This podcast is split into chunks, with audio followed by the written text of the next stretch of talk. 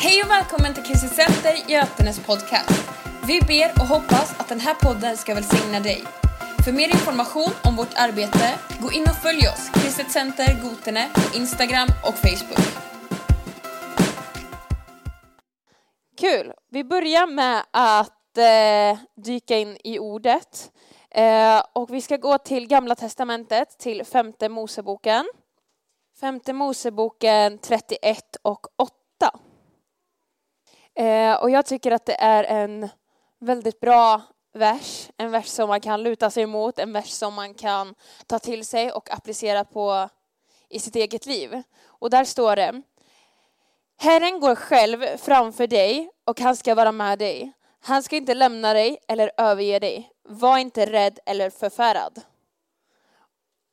Vilken vers!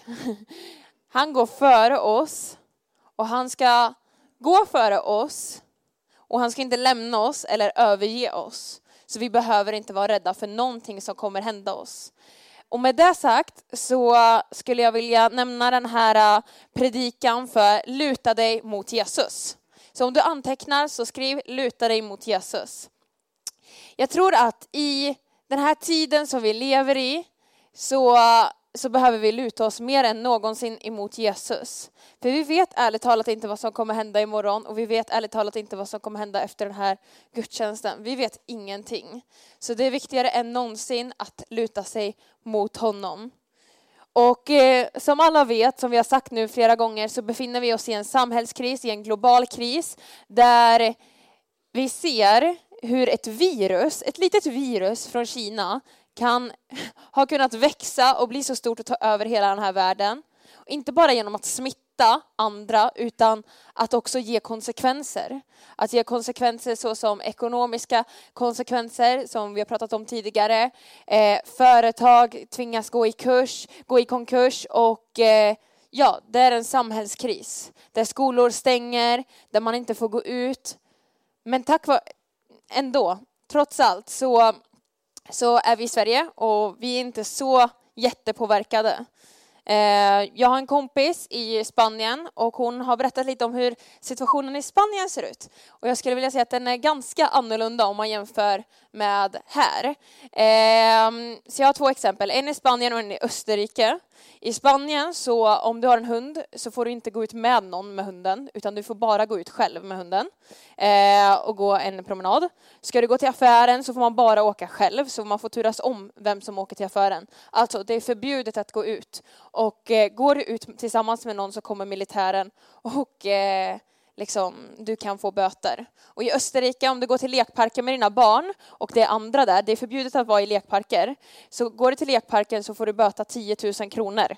Eh, för det är liksom ett krav på att man får inte vara mer än fem personer tillsammans.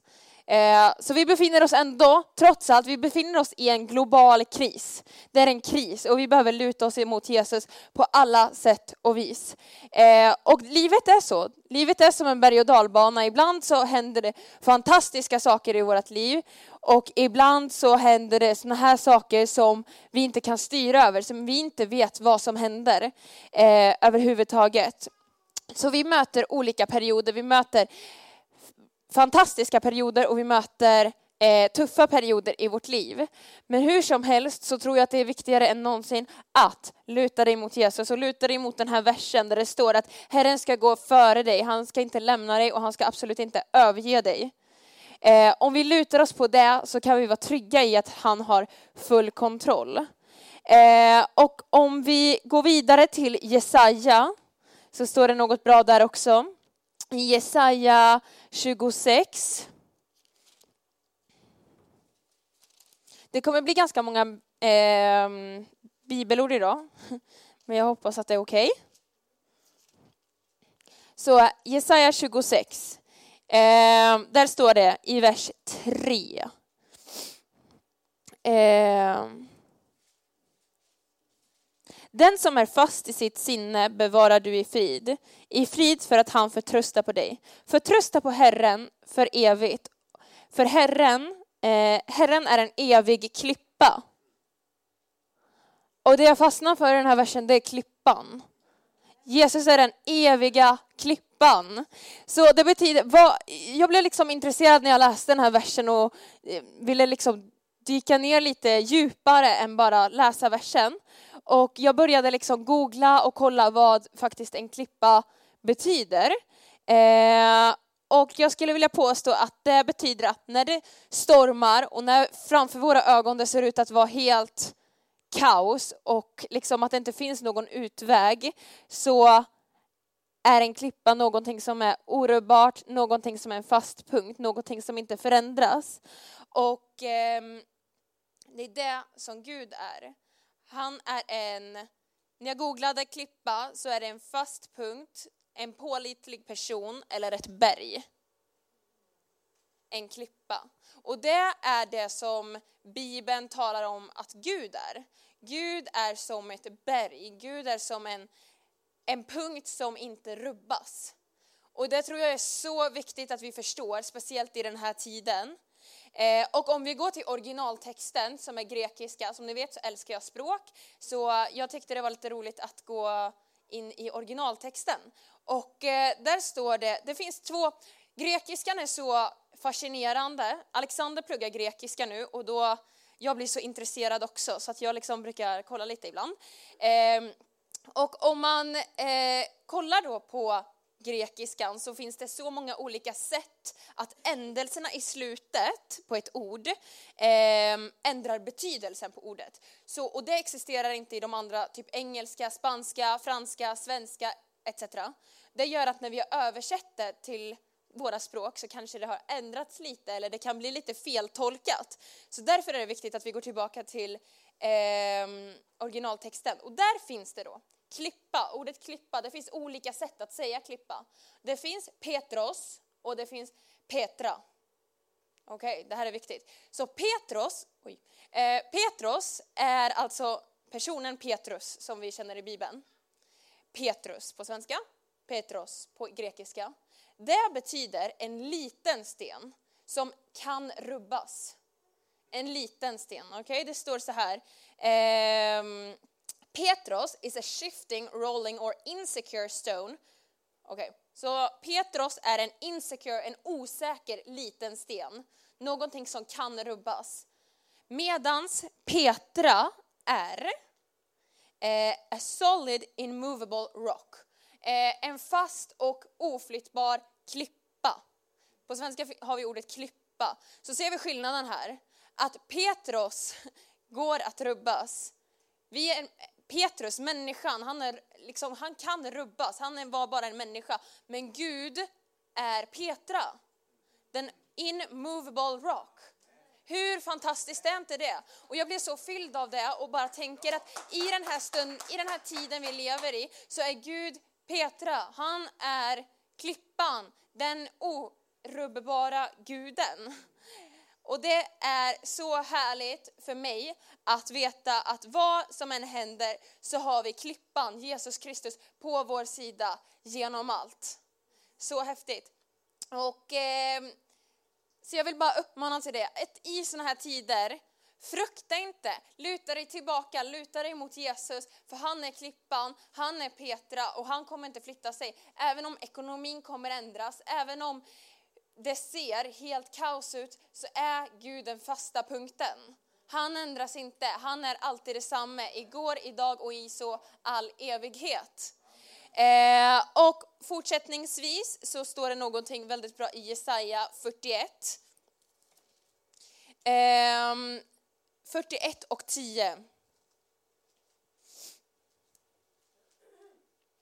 Var inte rädd, för jag är med dig. Se dig inte ängsligt om, för jag är din Gud. Jag styrker dig, jag hjälper dig, jag hjälper dig, jag stödjer dig med min rättfärdighetens högra hand. Och i den engelska bibeln så står det, So do not fear, for I am with you. Do not, uh, do not be dismayed, for I am your God. I will strengthen you and I will help you. I will uphold you with my righteous right hand. Och jag tycker att det är så häftigt att Gud håller sin högra hand rakt över oss och beskyddar oss och hjälper oss i den här stunden, i vilken situation du än befinner dig i. Vi behöver inte bara prata om corona, det kan vara en personlig kris. Det kan vara en själslig kris. Det kan vara någonting i ditt liv som gör att du är fylld av fruktan, rädsla eller vad som helst. Men luta dig mot Jesus, luta dig mot klippan för han är med dig och han kommer inte att lämna dig. Och eh, det finns så många bibelställen där Gud bara vill påminna om hans nåd och om att han är nära och att han inte kommer oroa oss. Eh, att vi inte behöver oroa oss utan bara fästa vår blick på Jesus. Eh, och eh, därför min andra punkt i den här predikan är låt inte fruktan ta över. För i, i situationer som vi befinner oss i så är det så lätt att vi fylls av fruktan, vi fylls av rädsla, vi fylls av oro. Men jag tror det är viktigt att vi bara släpper det och låter, att inte låta fruktan ta över i våra liv. För när den får fäste så kommer den limitera och begränsa oss. Och det är då vi kommer se personliga eh, konsekvenser i våra egna liv. Eh, men som sagt, Gud vill påminna om oss om att han är nära, han kommer inte lämna oss. Och vi behöver bara fästa vår blick på honom. Eh, och fruktan då, det kan innebära olika saker. Eh, det kan innebära fruktan för situationer som vi befinner oss i. Fruktan i att tacka ja till ett nytt jobb. Fruktan för att ta ett nytt steg och döpa sig. Att man är rädd för att ehm, eh, eh, gå till skolan eh, för någon anledning. Man kan vara rädd för olika saker i livet. Och det kan kännas bekvämt att stanna kvar där man alltid har varit. Men jag tror det är viktigt att förstå det här att Gud, när du inte tar ett steg eller när du är fast där du alltid brukar vara så kommer det begränsa dig. Det kommer bli till en begränsning i ditt liv. Och därför är det viktigt att inte fyllas av rädsla, att, inte, den låter, eh, att den inte får fäste i ditt liv. För till exempel, eh, om den här rädslan du har i ditt liv över en situation får fäste, då kommer det som sagt bli till en begränsning för dig. Och tänk dig att du springer ett lopp med en bruten fot med gips liksom, eller en sån här ah, sko som man kan ha. Då liksom, det kanske går ett tag, eh, men det kommer bli tungt. Det kommer bli en vikt, eller att du springer med vikter. Det kommer bli tungt, det kommer inte gå. Det kommer bara hålla nu, men inte hela maratonet eller hela loppet. Eh, men trots det så kanske det känns liksom bekvämt att ha kvar det där gipset. För du vet att när du kommer ta bort gipset så kommer det innebära så mycket från dig. Det kommer innebära att du måste göra fysioterapi, att du måste liksom börja om på ett nytt steg. Att det kommer göra ont igen. Nu gör det inte ont, men det kommer göra ont att ta av det här för att det ska bli bättre. Men jag tror att grejen med Gud det är att han vill inte att du ska gå med det där gipset för alltid. Han vill inte att du ska vara begränsad för alltid, utan Gud vill att du ska ta av gipset, ta ett nytt steg och bara så att han kan jobba på dig. Så att han kan slipa dig och göra det som han vill, eh, som han har tänkt med ditt liv. Eh, och jag tror att ibland begränsar vi oss själva och lever kvar i det komfortabla. Men det är viktigt att ta ett steg till, för annars kommer Gud aldrig kunna göra det som han har tänkt för dig. Och jag tänker bara på mitt eget liv. När jag bodde i Spanien i början så var det ganska tufft. Och eh, när jag tänker tillbaka på den tiden i början, då hade det varit så lätt för mig att ta ett telefonsamtal och bara ringa hem och säga jag kommer hem nu och boka en flygbiljett och bara komma hem. Det hade varit så skönt och det hade varit så bekvämt för mig. Men istället så beslöt jag mig för att okej, okay, trots att det inte är skönt nu, trots att det inte är bekvämt nu så ska jag stanna. Även om det kommer innebära en del konsekvenser för mig eh, just nu så kommer det hjälpa mig i framtiden. Och jag tror det är exakt samma sak i var och ens liv att var kvar i det obekväma. En obekväm situation slipar dig. En obekväm situation gör dig starkare än vad du är nu. Även om vi inte ser förändringen, även om vi inte ser att vi har eh, utvecklats, eller även om vi inte ser att det har blivit bättre just nu, så blir det bättre. Efter ett tag då kommer du kunna kolla, liksom på berget, du klättrar upp för att okej okay, visst, jag har kommit en bit på vägen. Jag har kommit, även om jag inte känner det just nu, även om det inte känns bra, även om det känns fruktansvärt, vilket det gjorde för mig väldigt länge, tio veckor, kanske åtta veckor, eh, så kommer man och man växer som det. Eh, men det är viktigt att vi inte, som sagt då, låter oss bli begränsade av vår egen fruktan, av våra egna rädslor. Och att vi också inte låter oss stanna kvar i det komfortabla. Det som känns skönt. Äh, är det skönare att åka hem nu? Jag åker hem, jag ger upp. Nej, ge inte upp. Fortsätt kämpa, kör på. Eh, så kommer du se så många välsignelser eh, komma till svars för det. Eh,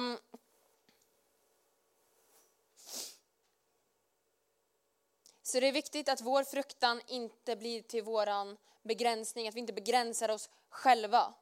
Men Gud vill inte att du ska vara fylld av fruktan, han vill inte att du ska vara rädd, han vill inte att du ska vara oroad för den här situationen, för det som du är i. Du vet kanske inte om du, eh, din jobbsituation kanske ser osäker ut, din, eh, ditt liv kanske ser osäkert ut, eller du har något problem med relationer, men Gud vill inte att du ska vara orolig. Han vill att du ska ha frid och att du ska fästa din blick på honom. Så jag tror det är viktigt att vi, gör, att vi måste göra oss fria från fruktan eh, och det som begränsar oss för att kunna träda in i den kallelse som Gud verkligen har för dig. Eh, för Guds tankar är så mycket högre än vad du kan föreställa dig och vad jag kan föreställa mig. Eh, och Gud låter dig inte gå igenom jobbiga saker bara för att, utan han gör det för att skärpa dig, för att slipa på dig och för att du ska kunna bli så mycket bättre och så mycket starkare än där du är idag. Eh, I Jesaja 55, 8 och 9 så står det så här.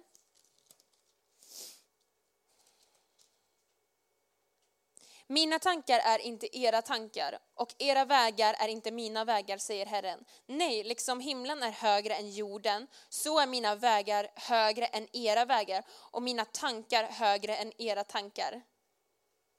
Wow. Guds tankar är så mycket högre än det som vi kan föreställa oss.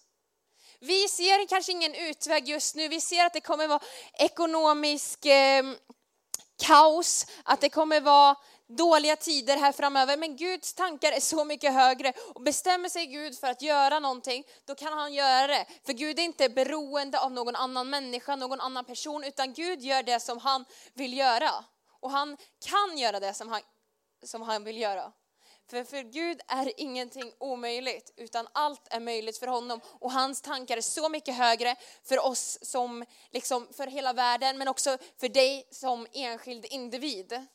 För Gud vill ha en personlig relation med dig. Han tänker inte på oss människor bara som människor i allmänhet, utan han tänker på dig. Han vill ha en personlig relation med dig och han vill att du ska fästa din blick på honom och göra dig fri från fruktan, göra dig fri från det som begränsar dig. För att du ska kunna träda in i det som han har för dig. För gör du inte det så kommer du gå runt i ett, eh, liksom du kommer gå och stampa på samma ställe. Du måste göra dig fri från det som begränsar dig och fästa din blick på Gud och inse att Gud har så mycket högre tankar än vad du har. För ditt liv, för mitt liv och för hela den här äh, jorden och befolkningen. Ehm, och det talar så mycket till mig om att liksom, bara i den här tiden, att vi bara liksom dyker in i det här ordet och bara förstår att Guds tankar är inte våra tankar. Vi är människor. Vi har känslor, vi har... Gud har inte de tankarna som vi har. Han har något större för dig. Han har något mycket större för dig. Och det är så häftigt. Punkt tre eh, på den här predikan är då, fäst din blick på Gud. Så bra. Så ehm, eh, den första var Guds löften räcker. Sen var det låt inte fruktan ta över. Och nu nummer tre, fäst din blick på Gud. Så för att vi ska kunna släppa fruktan, för att vi ska kunna liksom släppa det som begränsar oss så finns det bara en nyckel och det är att fästa våra blick på Gud. Det finns inget annat sätt att bli totalt fri. Det finns inget annat sätt att bli fri från eh, droger, att bli fri från alkoholmissbruk. Det finns inget annat än att fästa vår blick på Gud. Se på Sebastian Staxet, se på andra som sitter fast i misär. Ingen psykolog funkar, ingenting som den här världen har att erbjuda funkar mer än att fästa sin blick och ge sitt liv till Jesus. Och därför vill jag uppmana dig här idag att bara, vad än du har i ditt liv som du kämpar med, som du tycker är jobbigt, fäst ditt liv, fäst din, din blick på Gud. Fäst din blick på Gud och han tar hand om det. För som vi har läst tidigare, han är klippan, han ändras inte, han är samma Gud som han alltid har varit. Så fäster vi blick på honom så kan vi lita på att han har full kontroll och att han kommer lösa vår, eh, våra problem. Eh, så för att vi ska kunna leva med Guds luften som utgångspunkt i våra liv så behöver vi alltså göra oss av med fruktan och det som tynger oss och fästa vår blick på Gud. Fyll dig. Och hur ska vi fästa vår blick på Gud då? Jag skulle vilja påstå att genom att läsa Bibeln, lyssna på lovsång, att vara bland folk som lyfter dig och som inte drar ner dig. Det är exempel på hur vi kan fästa oss med Gud. Men trots det så tror jag det viktigaste är att du har en personlig relation med Gud. Personlig bön, att be och ta tid med Gud. Det kommer förändra ditt liv. Men sen att vara med andra som lyfter upp dig, som kan be med dig, det är en nyckel i din vandring med Gud. Och jag tror det är så, så, så viktigt. Ehm, och så fyll dig med Guds ord, fyll dig med lovsång och med sådana personer runt omkring dig som motiverar dig, som vill få dig att bli en bättre person. Och jag har en kompis som sa det till mig bara för ett par dagar sedan här nu att hon har slutat att vara med vissa människor och vill vara med lite andra människor nu som liksom är mognare än henne själv. Eh, som har liksom kommit närmare, som, är väldigt, som lever nära Gud. För att hon vill ha ett föredöme att se efter. Och jag tror det är viktigt för oss alla, det spelar ingen roll ålder, det är inte bara ungdomar som behöver ett föredöme, utan ni som är medelålders och ni som är äldre, ni, alla vi behöver föredömen i vår vandring med Gud. Det är inte bara jag, det är inte bara eh, Axel som behöver ett föredöme. Vi alla behöver föredömen. Och om du inte har en person, en person som ett föredöme, då har jag en väldigt bra exempel på någon som är ett föredöme och det är Jesus. Och han är faktiskt också en person. Amen. Eh, så ha ett föredöme, var bland folk, fyll dig med Gud. Jag vill verkligen bara uppmuntra dig med det, för det kommer förändra allt. För när vi spenderar tid med Gud så formar han oss. Och som jag sa tidigare, även om vi kanske inte ser just nu, även om vi inte ser någon progress, som vi människor alltid vill se, så gör Gud det. Han slipar oss och han Eh, han kommer ta bort de där oken, de där liksom, vikterna, det där gipset, det som begränsar dig steg för steg, bit för bit. Så kommer han ta bort det och lösa dig ifrån det när du spenderar tid med honom. För han förmår att göra det. Eh, men så fäst din blick på honom och lita på honom. Det är det som är faith. Det är det som är tro. Att liksom vi litar på Gud, att han har full kontroll när det inte ser perfekt ut. Att inte bara lovsjunga Gud, att inte prisa Gud när allt känns perfekt, utan att göra det när situationen är lite stormig. När det stormar, då fäster vi vår blick på Gud och litar på att han har full kontroll. He is in control. Vi sjunger inte bara, utan vi ska leva efter det. Och det är nyckeln till allt i våra liv. Så när, jag vill verkligen säga det och det, jag tror verkligen att Gud bara talade till mig och sa det att jag skulle säga det idag. Att även när du inte ser någon progress så slipar han dig. Och, när jag inte, och även när jag inte ser, och jag, när jag skulle förbereda det här så, så bara fick jag upp så här, låttext i huvudet. Och det var eh, låt, en låt som vi har sjungit här och det är Waymaker. Och det, då står det så här, texten är så här. Even when I don't see it, you work it. Even when I don't feel it, you work it. You are the waymaker. Så även när jag inte ser det så slipar du på mig. Och även när jag inte känner att du gör någonting, då gör du någonting.